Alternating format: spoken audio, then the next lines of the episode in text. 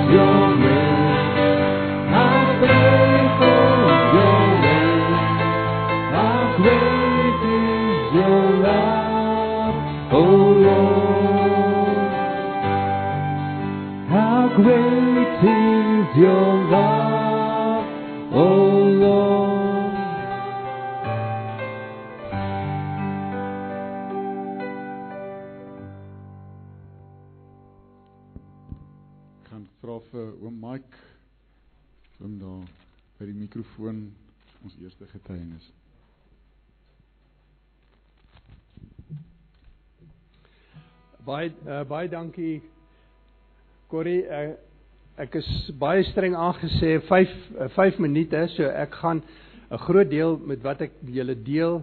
Uh, ek het 'n ding geskryf en dit is in twee dele. Ek gaan die eerste gedeelte uitlaat.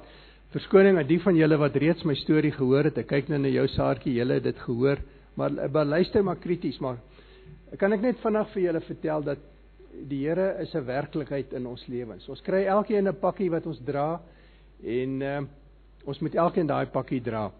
Nou ek het ongeveer ja, seker bykans 40 jaar gelede, ek was 'n jong man, het ek 'n uh, groot rugop rugoperasie gehad en ek het vir myself gesê maar nooit maar nooit weer sien 'n kans vir 'n rugoperasie nie. Dit was destyds was 'n uh, was 'n dramatiese ervaring en ek ek het na 10 dae met moeite geleer om te loop uh, ensovoorts. En toe ek nou die begin van hierdie jaar hoor uh, dat uh, ek het probleme ek het agtergekom en ek het gehoor uh, dis of 'n rolstoel einde van die jaar of 'n rugoperasie uh, het ek besef dat ek sal hierdie leeu weer in die oë moet kyk. En uh, nou gaan ek net twee gedeeltetjies vinnig vir julle sê in in in 'n mens se geestelike voorbereiding, jou stres, jy weet wat vir jou voorlê. Het ek eh, die Sondagoggend eh, ek dit die operasie sou die volgende Vrydag wees. Die Sondag by die huis gebly. Ek het nie meer kans om kerk toe kom nie. Ek het was te veel pyn ensvoorts. Het Marijn vir my die gemeente blaadjie gebring en uh toe ek dit lees uh en ek wil vir Esther baie dankie sê. Min wetende dat 'n beriggie in die in die blaadjie sal 'n groot deel uh, van vrede bring. Uh, die gedeelte die Sondag was Jesaja 41 vers 13. Uh, wat sê ek is die Here jou God. Moenie bang wees nie. Ek is by jou. Ek vat jou regterhand. Ek vat jou hand. En dit het vir my geweldige berusting ewe skielik gebring om om te sê moenie bang wees nie, want die woorde moenie bang wees nie het uitgespring. Die Woensdag voor die operasie Vrydag kry ek 'n telefoonoproep van 'n ene Wellington Lugani en ek is so jammer Wellington is nie hier nie. En Wellington sê hy wil net vir my bemoedig met 'n versie. Nou kan ek net vinnig teruggaan. Destyds toe ek was eers in daai verwoed hospitaal, uh het ek die stryd gehad, gehoop ek kan 'n rugoperasie vryspring en ek het troos gevind in Psalm 118 vers 5 uh, wat gesê het ek het na die Here geroep en die Here het my uitgered maar ek moes nog steeds die chirurgiese pad geloop het. Maar dit was vir my 'n bemoediging geweest. En nou bykans 'n leeftyd later bel Wellington vir my en hy bemoedig my en nou wil ek julle sê met watter Psalm? Enige raai Psalm 118. Hy gee my vers 17. En vers 17 sê Moenie bang wees nie. Jy sal lewe en jy sal van my dade getuig. Nou Goed. Ek het nou net daar gesê toevallig, kom ons laat dit daar. Dieselfde Psalm, amper 'n leeftyd uitmekaar dieselfde bemoediging. Ek is toe hospitaal toe gaan die hele storie laat. Ek was die 5de dag het hulle my uit intensief in 'n privaat kamer gesit en toe Marijn my kom haal. Uh en sy bel en sê waar is jy? Toe sê ek man, ek staan hier agter die kar. So uitgeloop sonder stit, sonder wat ook al. Nou wil ek net vir julle en dit is eintlik my tweede gedeelte. In ons selgroep omdat ons uit verskillende denominasies en gemeentes het, het ons ons eie program wat ons volg. En Marine het verlede jaar voorgestel dat ons die klein profete doen. Daar's 12 klein profete.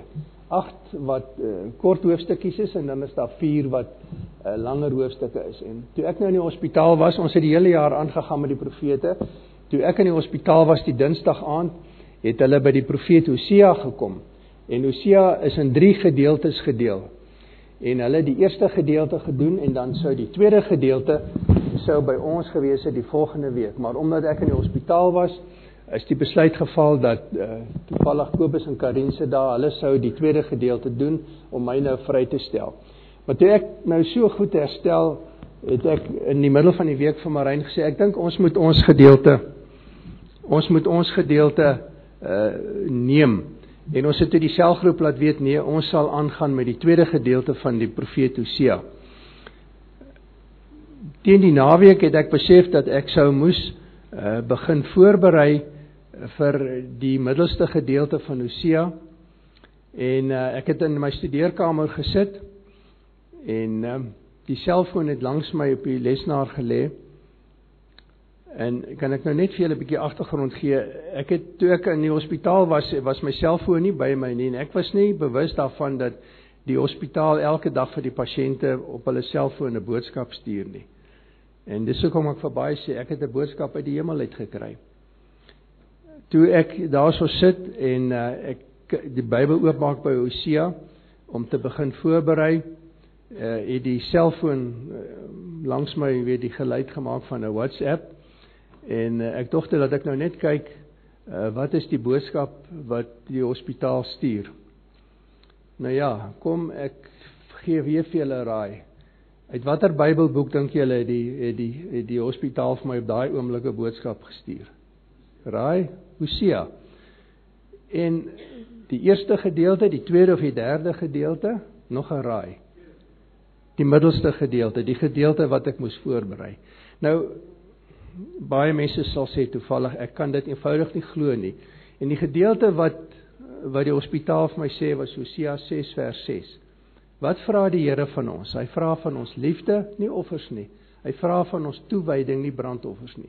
En daaroor kan 'n mens 'n hele preek maak om die Here lief te hê en om toegewyd aan hom te lewe. En dit en ek sê vir my vrou en ek hoop dit is waar dat die ouetjie wat in die hospitaal ingegaan het en die ouetjie wat uitgekom het, is verseker nie dieselfde nie, want ek het meer as ooit besef en ek besef dit soos ek hier voor julle staan.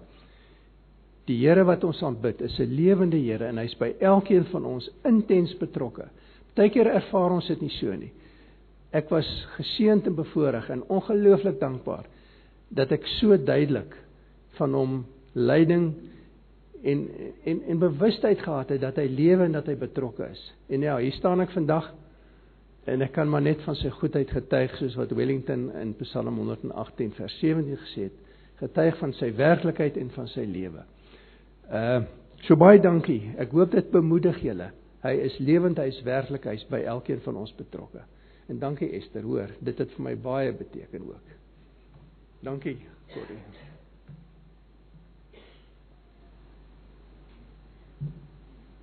Dankie Mike. Suzette Pretorius is nou volgende.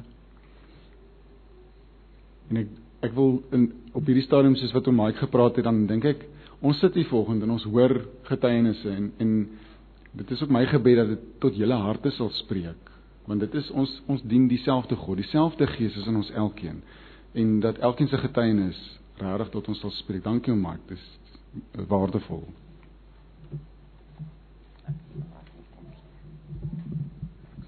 Ek dink hy's reg. Ek sal hard praat. Môre julle, ek sê dit Pretoria vir die van julle wat my nie ken nie.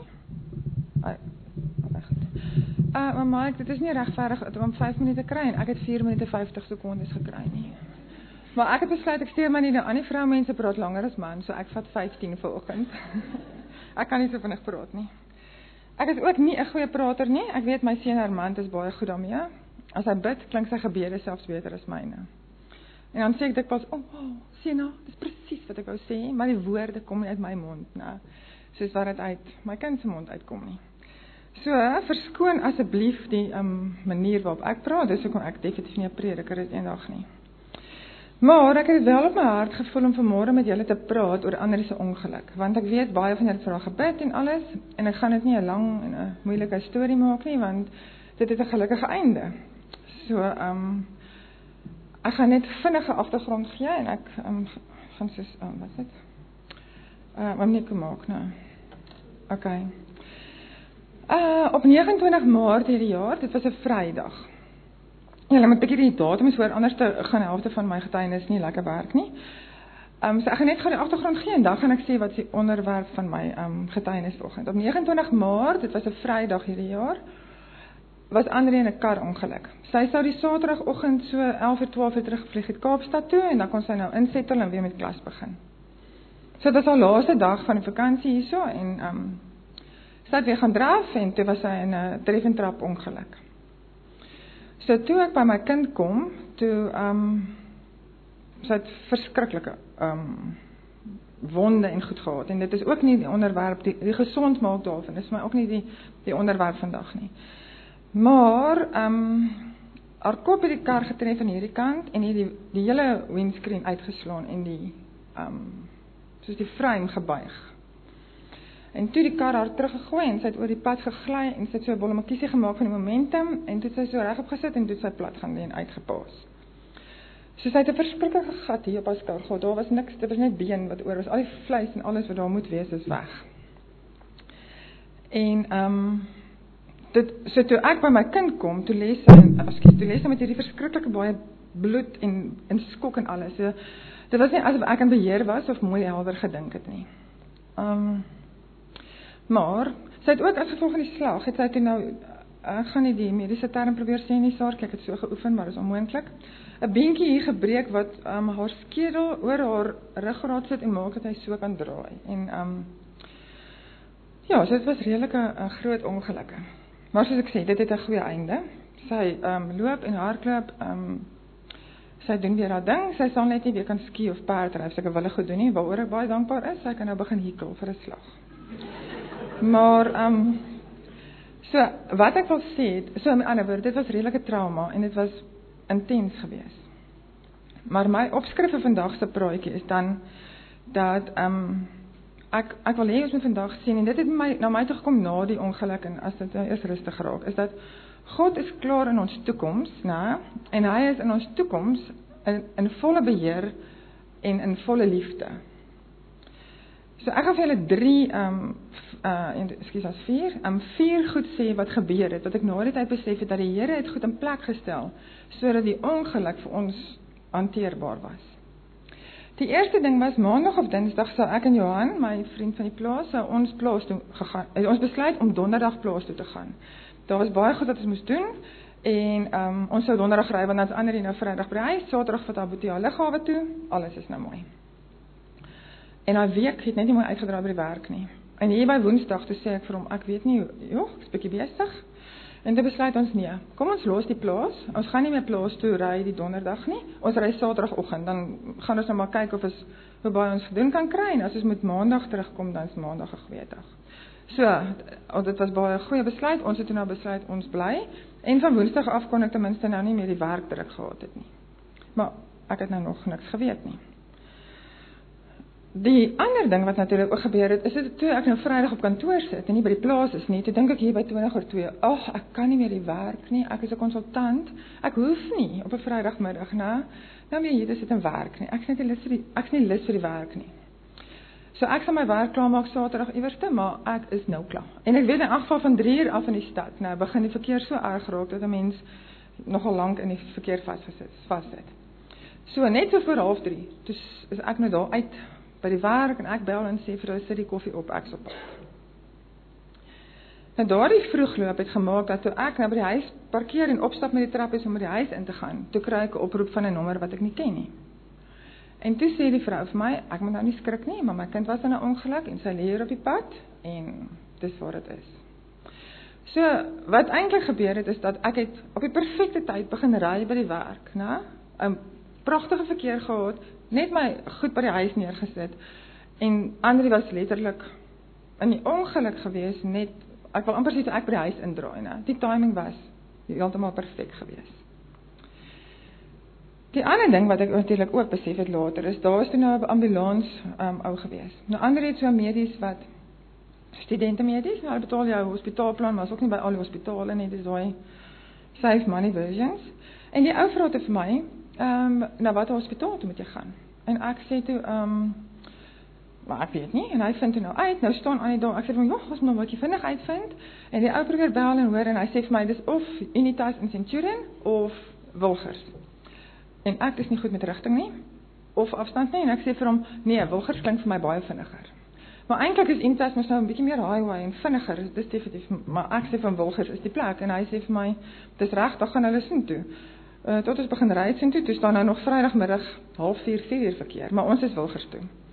Die goeie ding van die Wilgers was dat 'n ongelooflike 'n goeie neurochirurg is daar wat onmiddellik haar ehm um, nekbeentjie gesien het en hy het ook al een keer in sy lewe so 'n 'n spesifieke geval gehad en hy het gesê hy gaan nie opereer nie. Hy gaan dit kans gee om natuurlik te herstel. Die ander baie goeie ding was is dat die velspesialis wat daar was wat ehm um, Willem en Lizette hulle ook goed ken. Is regtig baie goeie ou.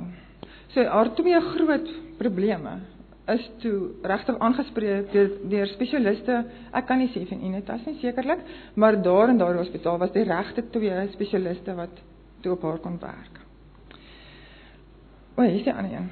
Die laaste ding was dat hier omtrent die 16de Maart net voor haar vakansie begin het, het ander die aansoek gedoen vir 'n uitreil student um in Duitsland.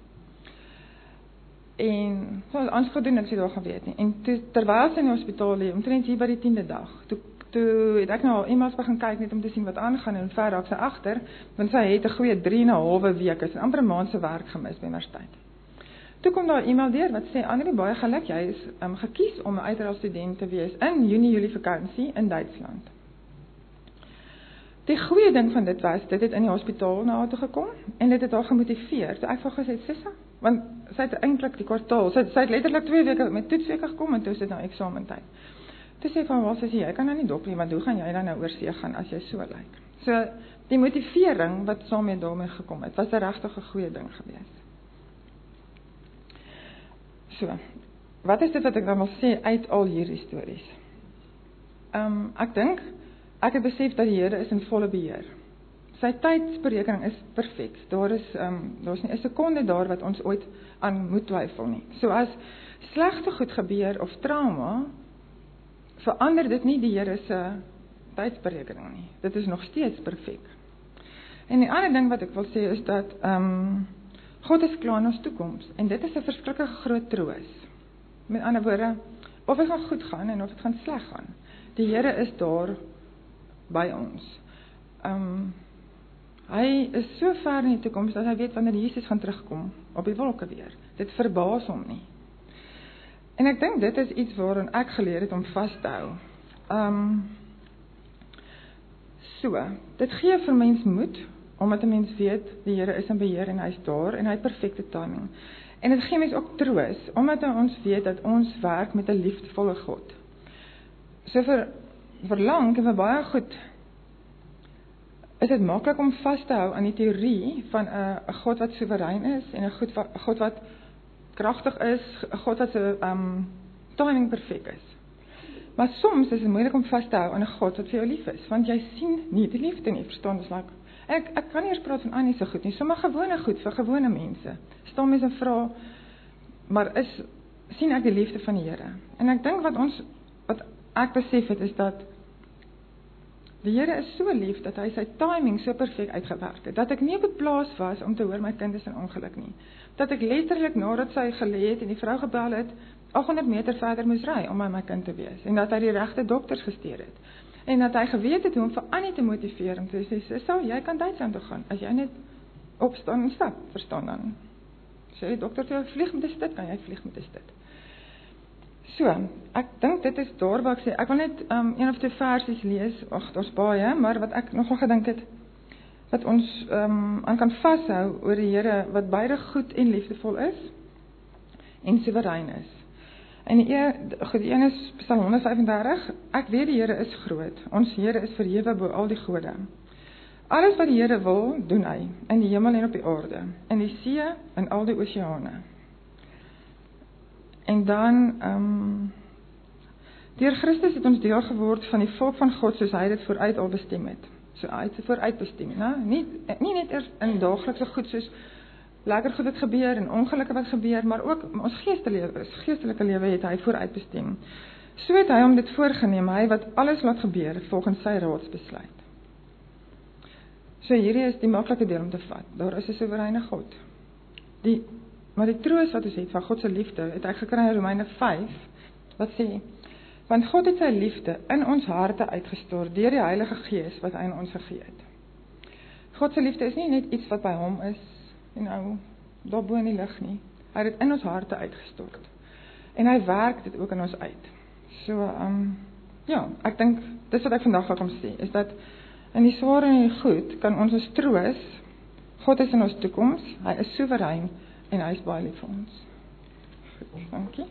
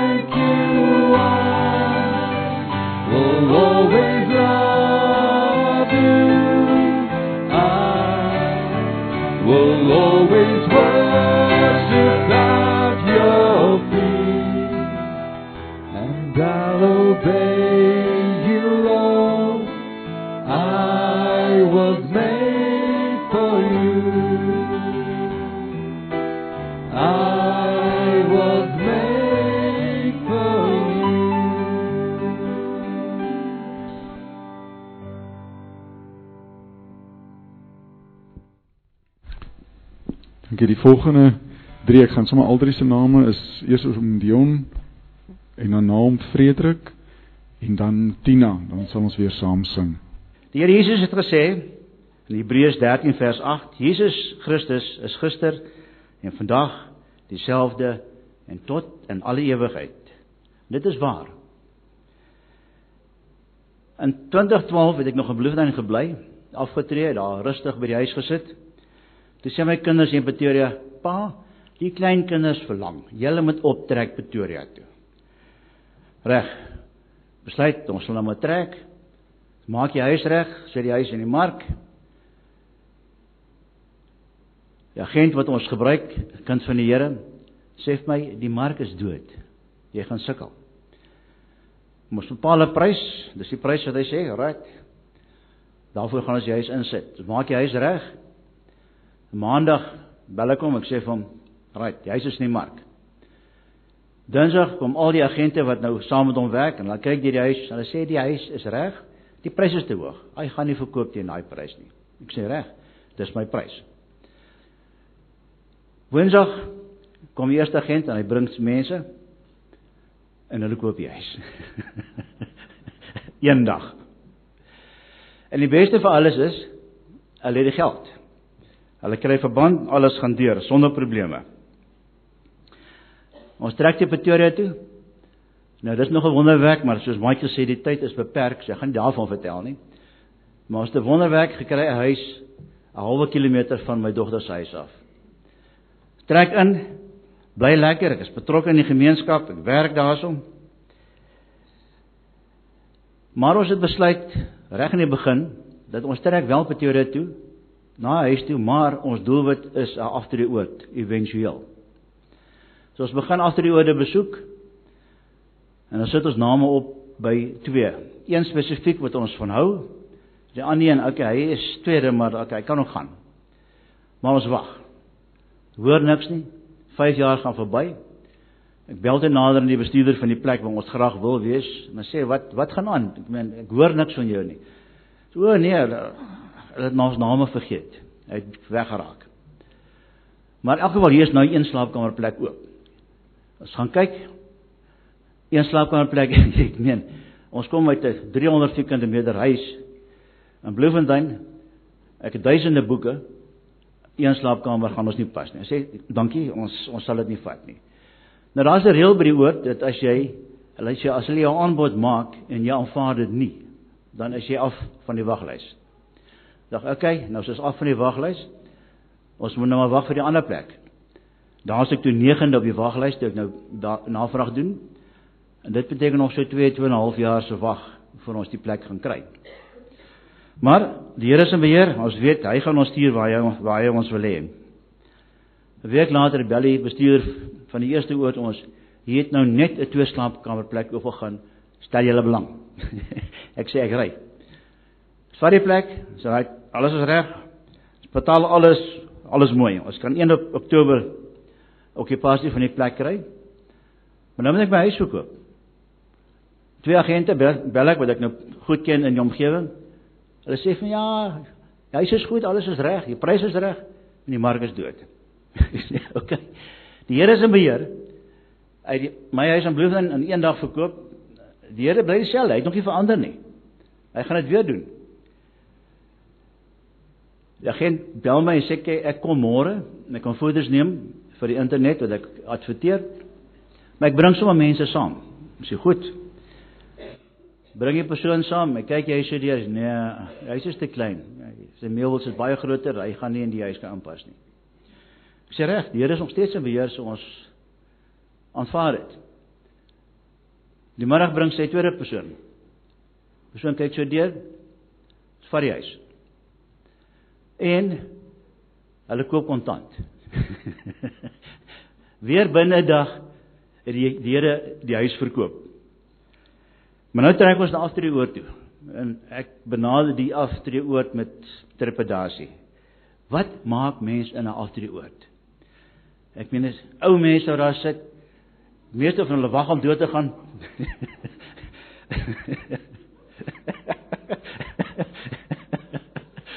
ek sien nie mense stem nie saam nie. Maar ons word verwelkom daar in die gemeenskap. Hou vir ons braaivleis elke Vrydag aand is braaivleis en ons geniet dit.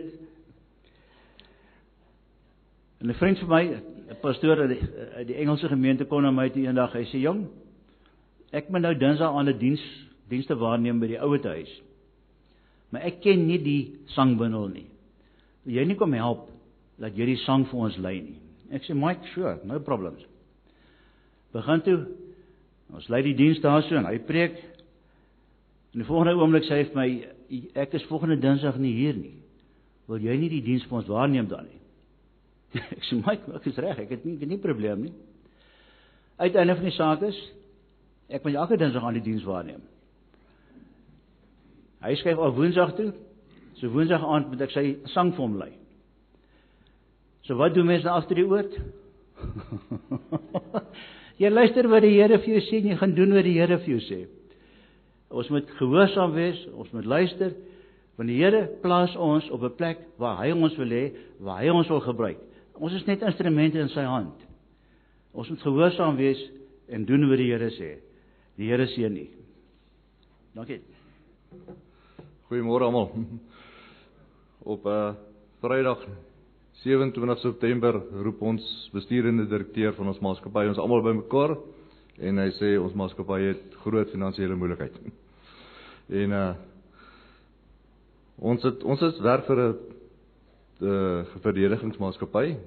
So kontrakte kom nie vinnig nie. Dit vat gewoonlik 'n paar jaar. So ons het genoeg werk wat in 2022, 2021, 2022 sal inskop, maar ons is 2019. So 470 ons is 700 in die maatskappy 470 kry briewe wat sê einde November jy gaan jy gaan einde November weet of jy Januarie moet terugkom. En uh aanvanklik was ons ek het gesê dit dit dit het gevoel soos die uitverkiesing, né? Want ons het nie briewe gekry nie. Ons is 15 in die afdeling wat nie briewe gekry het nie. En ek sê dis soos die uitverkiesing. Ons vra jy vra nie vra hoekom nie, jy's net baie dankbaar.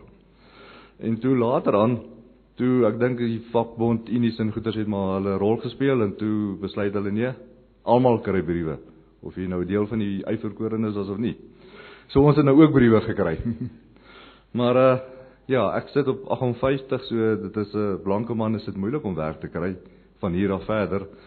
Mense het seker beplanning gedoen wat uh jy gaan maak dat jy op 65 aftree.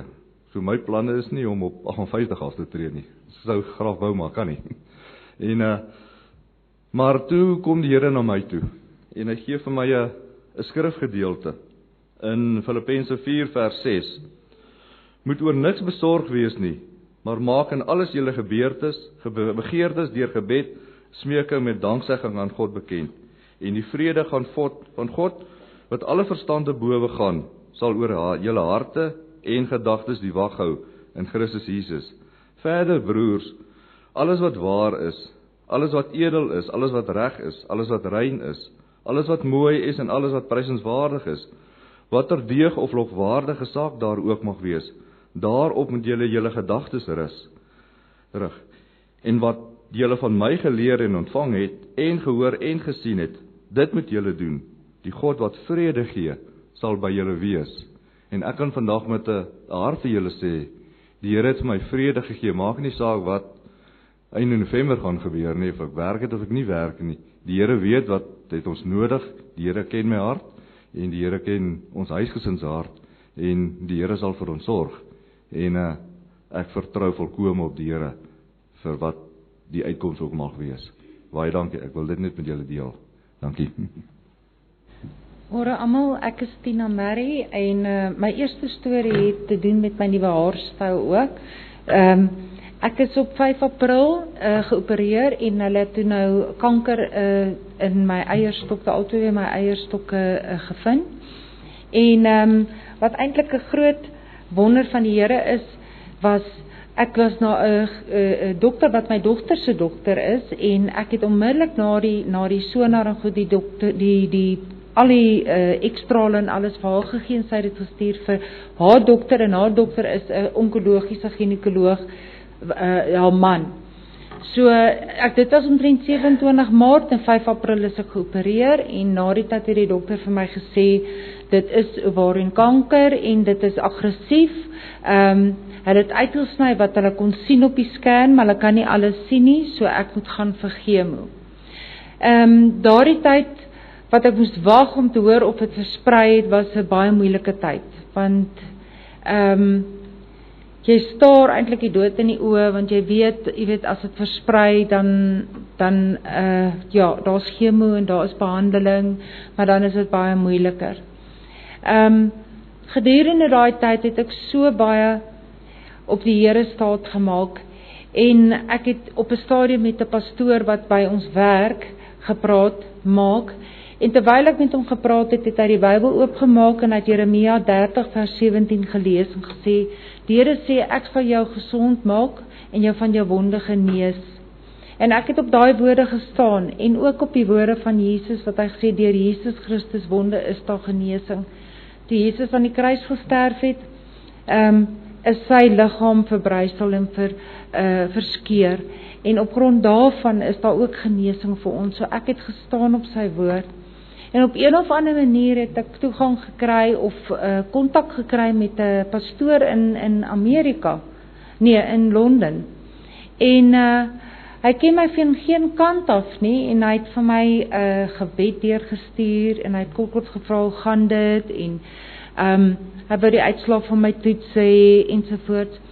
En ek het daai gebed vir 2 weke elke dag gebid En met die chemo het my kankertelling afgegaan na 7. Normaal is 0 tot 35.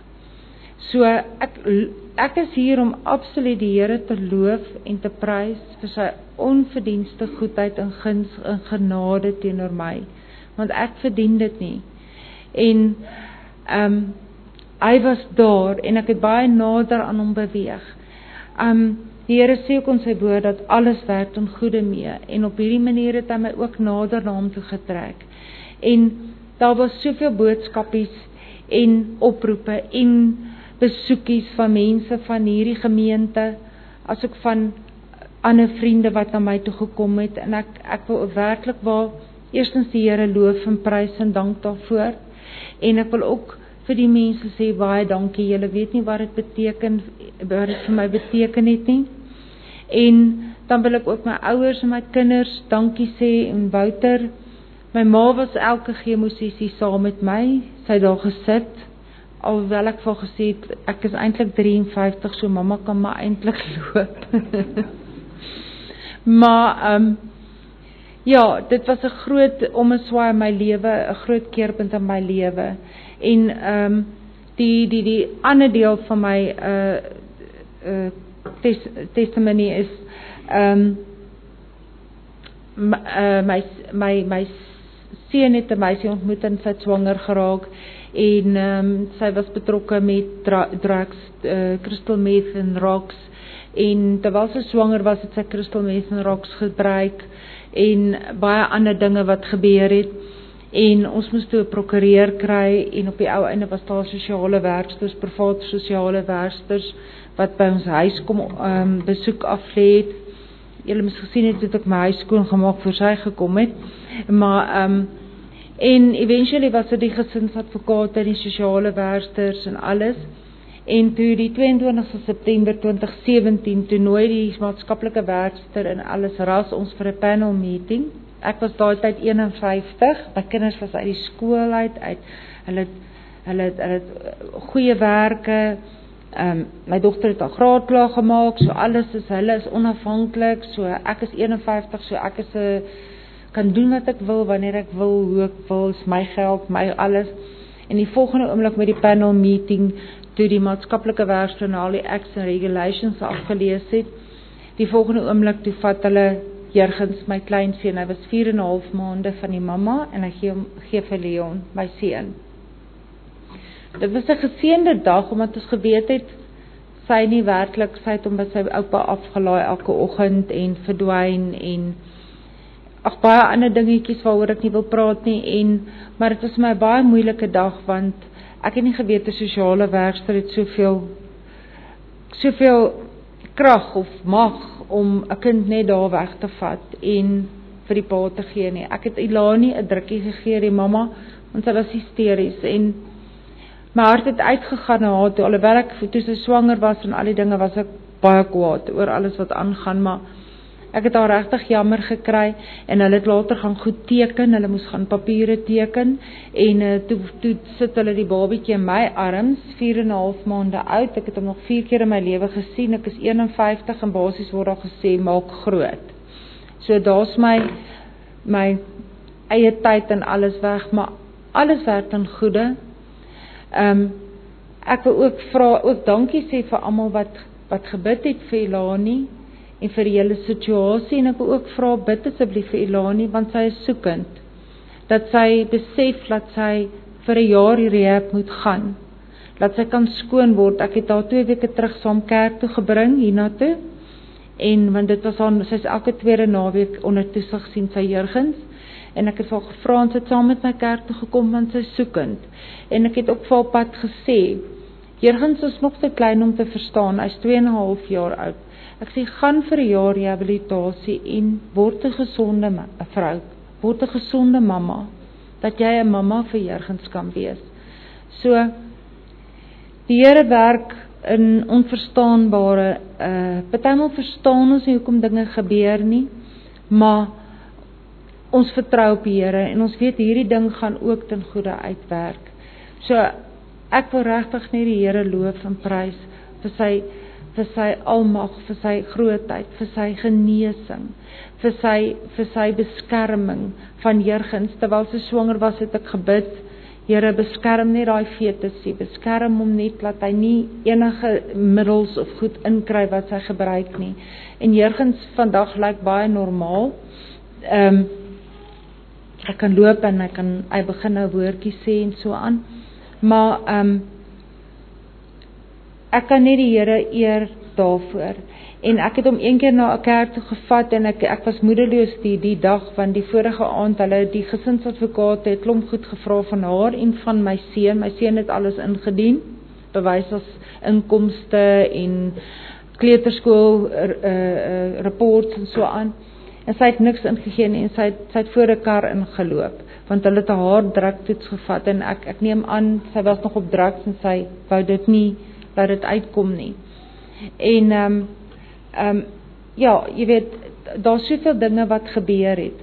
Maar al wat ek wil vra is ehm um, God is groot. Hy kan in haar hart werk. Sy soekend en in my seun se hart dat hulle die Here vind en dat hulle daai kindjie kan grootmaak.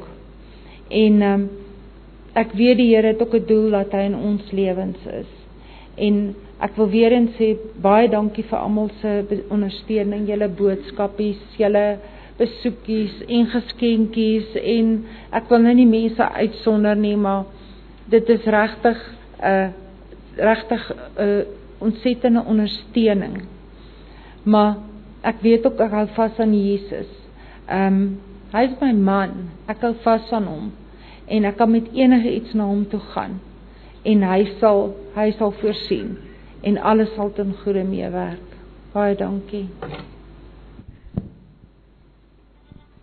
Gemeente die volgende lied Bless the Lord 10000 reasons Ons het meer as genoeg redes om die Here te loof en ek dink dit wat Tina ook nou gesê het, Frederik, noem Dion. Daar is soveel dinge in die lewe. Ons Ons besef dit nie aldag nie. Selfs in die swaar kry is daar redes om die Here te loof. Thank you.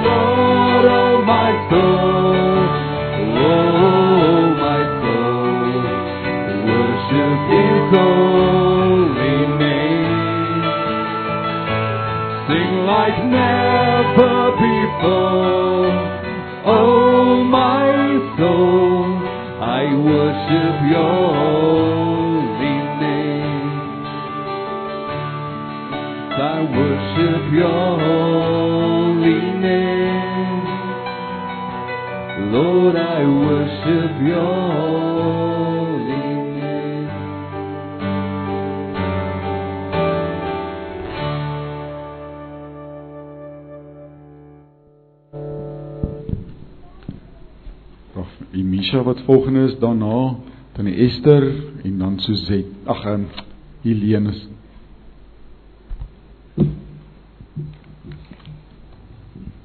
Ja, vir die van julle wat my nie ken nie, my naam is Emisha. Ehm um, ek dink ek staan ook vandag hier, mense sien weer agtig, mense doen dit nie gereeld nie, maar ek staan nie hier in my eie krag nie en ehm um, ek dink ehm um, in gehoorsaamheid en ek hoop regtig ehm um, wie ook al die boodskap moet hoor, sal bemoedig wees daardeur. Ehm um, ongeveer 15 jaar gelede is 'n kollega by die werk geskiet in 'n kaping en ek was ook net op pad uit toe ek die skote gehoor het. Sy het gelukkig geen ernstige wonde opgedoen nie, maar almal by die werk het berading gekry in die verskillende fases van skok, woede, hartseer ensovoorts het my eintlik baie gebly. En ehm um, die verstaan van daai emosies wat mens beleef wanneer jy deur 'n traumatiese belewenis gaan, het my gehelp in om ander gebeure waarby ek direk betrokke was in jare daarna, um, beter die situasies te kon verwerk. Um, hierdie week op Donderdag 10 Oktober kom ek vroeg by die werk aan en vind twee veiligheidsvoertuie um, by die um, hek en verneem daar was 'n voorval, 'n inbraak en een van die um mense wat laat gewerk het is aangerand met 'n mes. En um ja, ek moet sê die gevoelens van lamheid het in my opgekrop. En um ek het mismoedig geraak oor hoe lank dit neem vir die polisie om uit te kom. Um die absolute langsame prosedures en mense, 10 mense wat nodig is om goed um neer te skryf en Ehm um, ja, terwyl iemand eintlik by die hospitaal moet uitkom, die ou wat gewond is. Ehm um, die ek het die die ouetjie wat agtergebly, die vriend van die ou wat gewond is, wat toe nou die verklaring verder afgegee het, het ek probeer bemoedig. Ehm um, want mense is eintlik maar taak georiënteerd om die die moeilikheid uit te sorteer. En ehm um, maar ek weet eintlik mense kan vir niemand regtig iets sê in daai tyd nie want want dit dit is eintlik so dis leeg. Dit, dit beteken nie eintlik veel nie. En ehm um, ehm um, ek het maar vir hom toe verduidelik daai les wat ek geleer het omtrent 15 jaar gelede. Onthou van hierdie fases, dis waardeur mens gaan en dis heeltemal normaal. Ehm um, verwag dit dan dan ten minste as mens dit verwag dan is dit half beter ek het ek is al weg en eintlik gedink hierdie gaan my nie noodwendig so affekteer of dit affekteer my nie so nie want ek was nie direk betrokke nie. Ek ek was eintlik maar net 'n bystaaner. En ehm um, maar in die vroeë oggende van Vrydag word ek wakker en ek dink hoe sleg dit moet wees vir die naasbestaandes van Tapelo wat gewond is. En ek bid toe sommer vir hom. En ehm um, Vrydagoggend ry ek met swaar gevoelens en vrees werk toe. En ehm um, gelukkig was daar toe nou 'n bietjie goeie nuus Vrydag toe ons toe ons uitvind die kameras wat ons vir die speerders gesê het werk nie, het eintlik gewerk en hulle het alles vasgevang op die kameras. Maar die speerder het toe daar aangekom en ehm um, ja, mens mens kry die idee dis dis dis dit kan help maar dit is dis maar 'n proses voor hulle enigiemand vang. So ehm um, mens mens raak mismoedig. Gisteroggend word ek weer heeltemal te vroeg wakker. Ek is kwaad en ongelukkig want vra van waar is die reg en geregtigheid in hierdie situasie? Ehm um, kom by my op. Ehm um, ek neem my boekie Evening to Evening van Spurgeon ehm um, langs my bed en ek lees En ehm um, ek besef toe, o, maar ek het ek probeer aan die datums dink en ek dink nee, maar ek het nie gister gelees nie, 10 Oktober. En ehm um, toe ja, ek gaan nou maar vir julle voorlees in uh, Spurgeon se Engels wat staan op 10 Oktober. Jeremiah 15 verse 21. And I will deliver thee out of the hand of the wicked, and I will redeem thee out of the hand of the terrible. The Lord Jehovah himself intervenes to deliver and redeem his people. He pledges himself to rescue them. His own arm will do it, and he will receive the glory. Nothing is mentioned about our own effort which may be needed to assist the Lord. Neither our strength nor our weakness is taken into um, account. Why then do we calculate our forces and consult with flesh and blood to our grievous downfall. Jehovah has enough power without borrowing from our puny strength. Be at peace, unbelieving thoughts. Be still and know that the Lord reigns. The Lord says nothing of friends and helpers. He does the work alone and feels no need for human assistance. All our dependence upon companions and relatives is useless. They are broken reeds if we lean upon them. Often unwilling to help when able, and unable when they are willing. Since the promise comes from God, it would be wise to wait only upon Him. When we do so, we are never disappointed. Who are the wicked that we should fear them?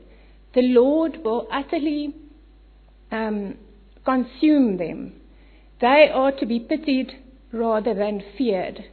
As for the terrible ones, they are only terrors to those who have no God to run to. When the Lord is on our side, whom shall we fear? If we run into sin to please the wicked, we have cause to be alarmed. But if we hold fast to our integrity, the rage of tyrants will be overruled for our good. In all times of fiery trial, let us patiently endure and trust in the promises of our mighty God. So hier vroegoggendure gisteroggend wat neem ek hier uit? Um ont, onthou wees in beheer en soek jou toevlug by God. Um en Vader, weet ons is almal geneig om te vinnig te sê dit gaan goed wanneer mens eintlik hartseer is, trauma het of ander ongelukkighede beleef. Um dis 'n dis 'n pad wat eintlik elkeen van ons stap eh, tot 'n mindere of 'n meerdere mate terwyl ons hier op aarde nog is. Maar ek wil julle bemoedig en soos ek bemoedig is deur die Heilige Gees en deur hierdie woorde van Spurgeon. Um en eintlik ekho wat Spurgeon sê in die laaste sin. Um in all times of fiery trial, let us patiently endure and trust in the promises of our mighty God. Dankie.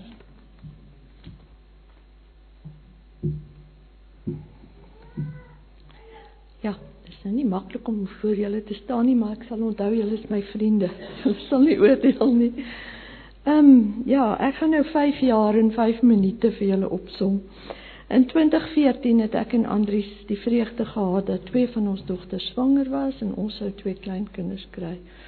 Maar in die tyd het die een dogter op 24 weke haar baba verloor en die ander een het aangegaan. So ons moes troos en ons moes bly wees in dieselfde tyd. En die babatjie gebore, die seentjie Nicolaas, wat 'n groot vreugde is in Januarie.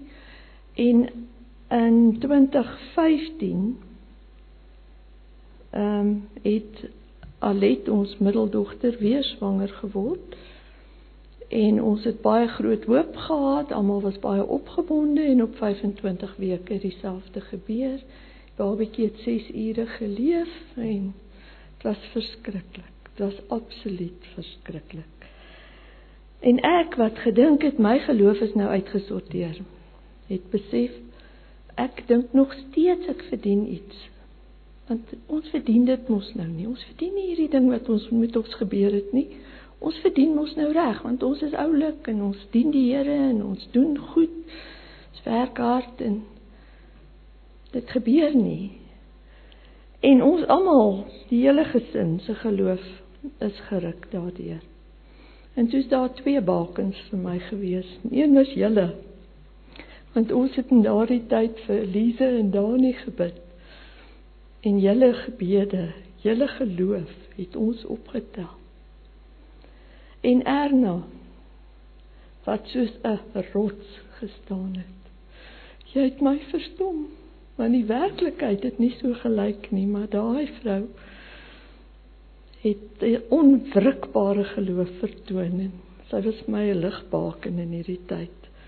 En ons dogter wat ehm, 'n um, wonderlike verhouding met die Here gehad het vandat sy 'n klein dogtertjie was, sy dinge verstaan van die Here wat baie mense nooit verstaan nie. Het vir my gesê, "Maar ek weet nie of ek nog die Here kan dien na hierdie swaar nie. En ons het toe nou vir die babatjie, hulle toe besluit om omdat die dogtertjie geleef het, dit 'n roudiensie te hou. En by die roudiens was daar gelowiges. Daar was mense wat trou en begrafnis hou in die kerk en daar was ateëste, uitgesproke jong ateëste. En um, ons dogter het toe maar deur hierdie stryd gegaan. Sy het vir my gesê, "Ma, nou moet ek of die Here dien of ek moet hom nou los." Maar hier tussenin kan ek nie aangaan nie. En sy het die dag by die roudiens opgestaan en voor daai onsimpatieke gehoor het sy getuig. Maak nie saak wat gebeur nie. Haar besluit is geneem. Sy sal die Here dien. Sy sal hom vertrou, sy sal hom volg. Ja, en toe moet ons ook saam opstaan en ons moet ondersteun en soos op ons ouderdom raak goed weg. Jy kry nie goed per ongeluk nie, dit raak weg. Jy soek. Maar daar het 'n versie op ons buffet verskyn. Ek weet nie waar kom hy vandaan nie, daai koringkorreltjies. Een oggend lê hy daar. Die wat met trane saai, sal met gejubel maai. En ek het hom vir my gevat en ek het hom daar laat bly lê. En ehm um, toe het ons die goeie o ja, ons dogter het toe sy daai belydenis gemaak het, het sy opgestaan en sy het begin navors want die dokter trek net sy skouers op, hy weet nie wat het gebeur nie. En sy het um, by 'n dokter deur die internet by 'n dokter Heini in, in Amerika uitgekom wat 'n prosedure ontwikkel het wat vir haar kon help en in die proses het sy in 'n ondersteuningsgroepie nog drie ander vrouens ook gehelp. wat babas gehad het daarna sy het vir die prosedure gegaan. En toe is dieselfde twee kinders wat saam swanger was, weer saam swanger. En ons het die lang maande voor wat ons nou wag vir hierdie babatjies. En deur die Here se genade is daar op Julie 27 Julie een babatjie gebore en 14 Augustus verlede jaar nou. Die ander een 2 en 'n half weke uitmekaar, hy twee dogtertjies. Groot vreugde vir ons. En ek wil net sê toe ons nou so deur hierdie goed gaan toe soek Andries vir sy dogters raad. Wat sê die Here? En regtig die Bybel gee niks inligting oor babatjies wat ehm um, wat nie gebore is wat word van hulle siele nie. Maar John MacArthur, John Piper en Spurgeon gee baie duidelik hulle opinie dat die Here nie 'n onskuldige kind wat nog nie 'n kans gehad het sal verwerp nie. So ons het twee babatjies in die hemel en ons sien uit om hulle te sien. En ek wil net hê Hannes moet vir ons, o, ek wil net sê die enetjie die die ma, die Alet wat nou so gesukkel het se babatjie se vierde woord is haleluja. ek wil net hê Hannes moet vir ons twee fotootjies wys. Daar sy besig om vir die mense in die winkels vreugde te gee. En dan en daar is die tweeetjies wat die twee niggetjies saam. En wat het ons hier uitgeleer? Jy kry nie altyd wat jy wil hê nie. Die Here is nie daar om jou voorskrifte uit te voer nie, maar hy is die Here. Hy's getrou. En al sou daar nie nog 'n baba gewees het, sou hy nog die Here gewees het en hy sou getrou gewees het en ek loof en prys hom daarvoor. Dankie.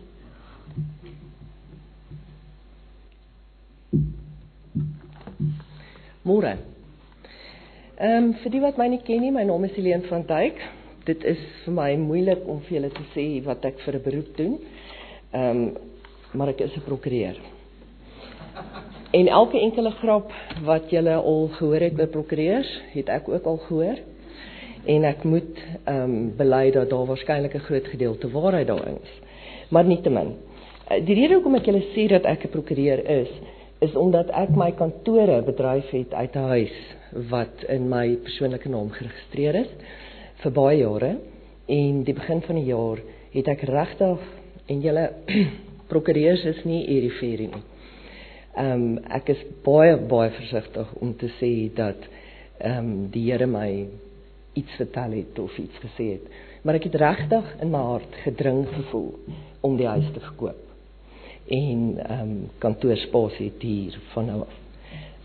Dis verskoon. So 'n lang storie kort te maak, tipiese prokureur kry ek agent, uh kry waardasie, ehm um, dat ons nou die huis verkoop. En ehm um, tot my skok en afgryse verkoop die huis te min of meer onmiddellik. En ehm um, ek hoor wat jy sê, die huis verkoop te min of meer onmiddellik en om sake erger te maak, is dit 'n kontantkoop. Wat toe gebeur is dat ek begin om kantoorspasie te soek. En ek was baie spesifiek oor die tipe uh, kantoorspasie wat ek wil hê. Want ons is 6 personeellede, ehm um, waarvan 4 prokureurs is. So primêr is plek 'n geweldige probleem.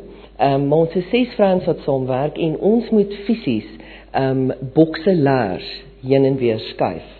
En dit maak dit baie moeilik as 'n ou byvoorbeeld op die eerste vloer is. So en dan om sake te vererger, want ons is vrouens, eet ons elke ete saam en het ons 'n uh, kombuis nodig. Um ons eie privaat kombuis waar ons um 'n dame het wat vir ons 'n ligte ete voorberei en dit is die kultuur by ons kantoor. Heeltemal onafhanklik van hierdie storie is daar 'n ander krisis in my lewe en 'n liewe liewe vriendin van my het vir my uh, 'n versie gegee, eintlik 'n stukkie in die Bybel. En ek gaan dit vir julle lees. Dit sal vir julle almal bekend wees. Ehm um, dit staan in Josua 5 vers 13 tot 15. En dit is net voordat Josua vir Jerigo aanval. En ek lees vir julle uit die 53 vertaling wat sê: En terwyl Josua by Jerigo was, slaan hy sy oë op en kyk en daar staan 'n man teenoor hom met 'n ontblote swaard. En Josua het na hom gegaan en vir hom gevra: "Behoort u by ons of by ons vyande?" En hy sê: "Nee, maar ek is die leeroowerste van die Here. Ek het nou gekom." Toe val Josua met sy aangesig op die grond en buig hom neer en vra hom: "Wat wil my Here aan sy dienskneg sê?" Toe sê die leeroowerste van die Here vir Josua: "Trek jou skoene van jou voete af, want die plek waarop jy staan is heilig." En dit eindig met en Josua het dit gedoen. En weet julle, 'n mens ken hierdie gedeelte en mens lees die Bybel en ek aanvaar um onverwaarlik dat die grootste hoeveelheid mense wat hier sit regtig 'n verhouding met die Here het. Maar soms dan is daar dis net asof daai woord net so soos 'n swaard in jou in jou binneste ingaan. En ek het net gedink aan hierdie man met hierdie ontblote swaard wat net hy loop net voor my uit. Hy is net daar. In die tussentyd is daar twee goed wat moet gebeur om 'n transaksie. So wat ek wil hê jy moet verstaan is ek soek kantore. Dis nou nie asof ek by die huis sit en tee drink nie. Ek soek kantore aktief. In die tussentyd om 'n transaksie te laat deurgaan, is daar twee goed wat moet gebeur. Jy moet hereregte betaal, dit is die koper, moet hereregte betaal, dan reik die ontvanger vir jou hereregte kwitansie uit. Dit gebeur toe min of meer in 3 en 'n half sekondes. Die tweede ding wat moet gebeur is jy moet 'n uitklaringssertifikaat by die munisipaliteit kry wat in goeie Afrikaans bekend staan as 'n rights clearance certificate. En genadiglik kan ons altyd staat maak op die regering dat hulle nie heeltemal so vinnig is nie. So daar hang toe nou 'n bietjie op die rights clearance certificate. Ehm um, En ek onthou die maandag toe het ek al twee keer aanbiedinge gemaak op kantore want nou begin ek eerste vloer is oukei. Bietjie kleiner spasie kan ons mee doen. Parkering is nou nie heeltemal meer so groot probleem nie want ek is regtig onder druk.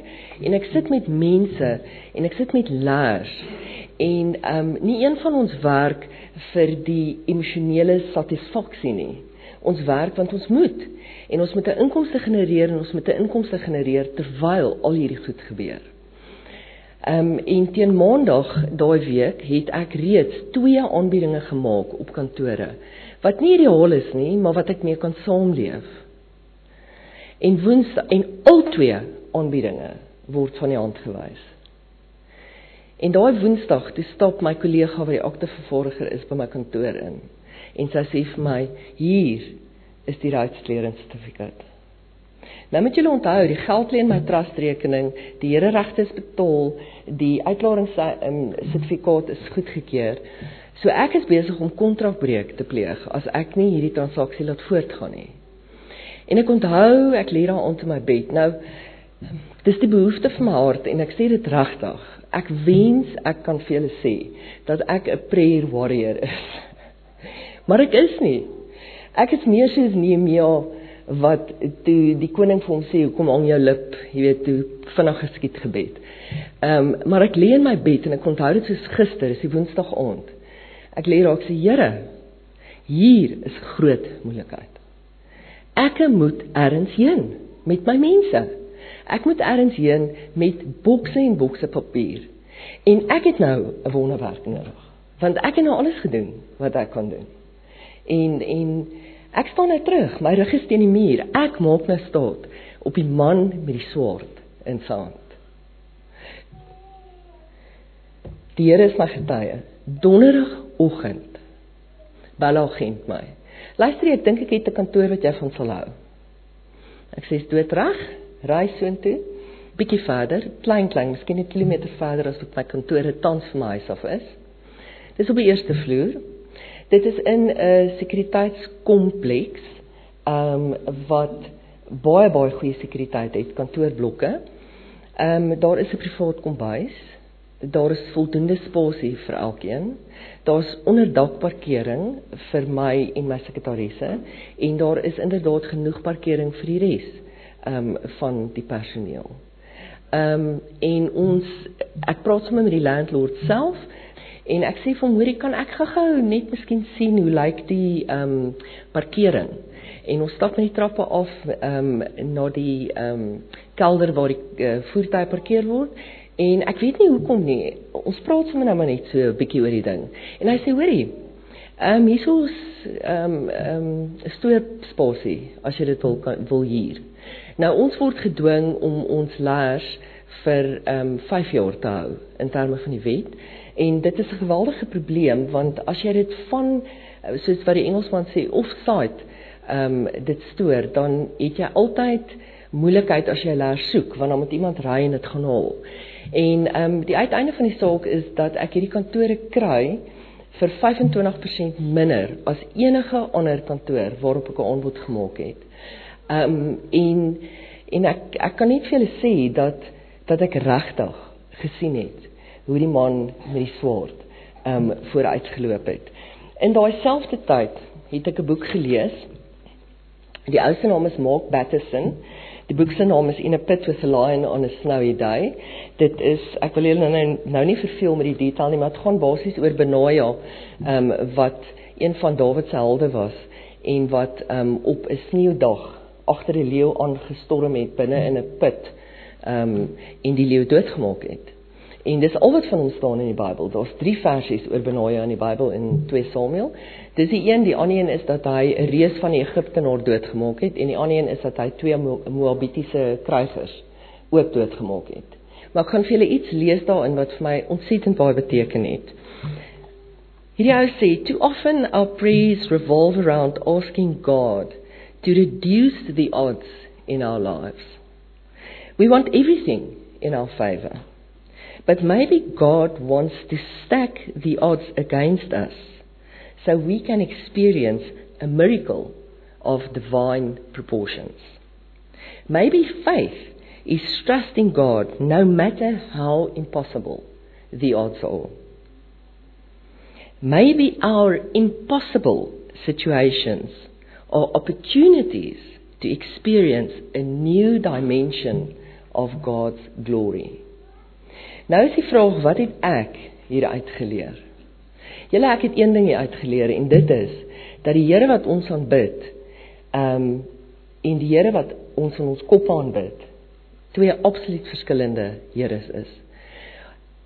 Ek dink as ons moet weet wat God toe in staat is, soos wat jy getuig het oor jou kinders, dan sal ons verbuister staan. En ek dink en ek praat nie oor julle nie, maar oor myself ehm um, het ek geleer om met 'n verwagting te bid. Om te verwag dat die Here vir my iets gaan doen, want hy wil.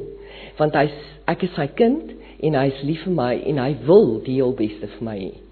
En ek lees in ehm um, Psalm 5 ehm um, van Dawid wat ek dink inderdaad ons almal sal erken regtig 'n prayer warrior was.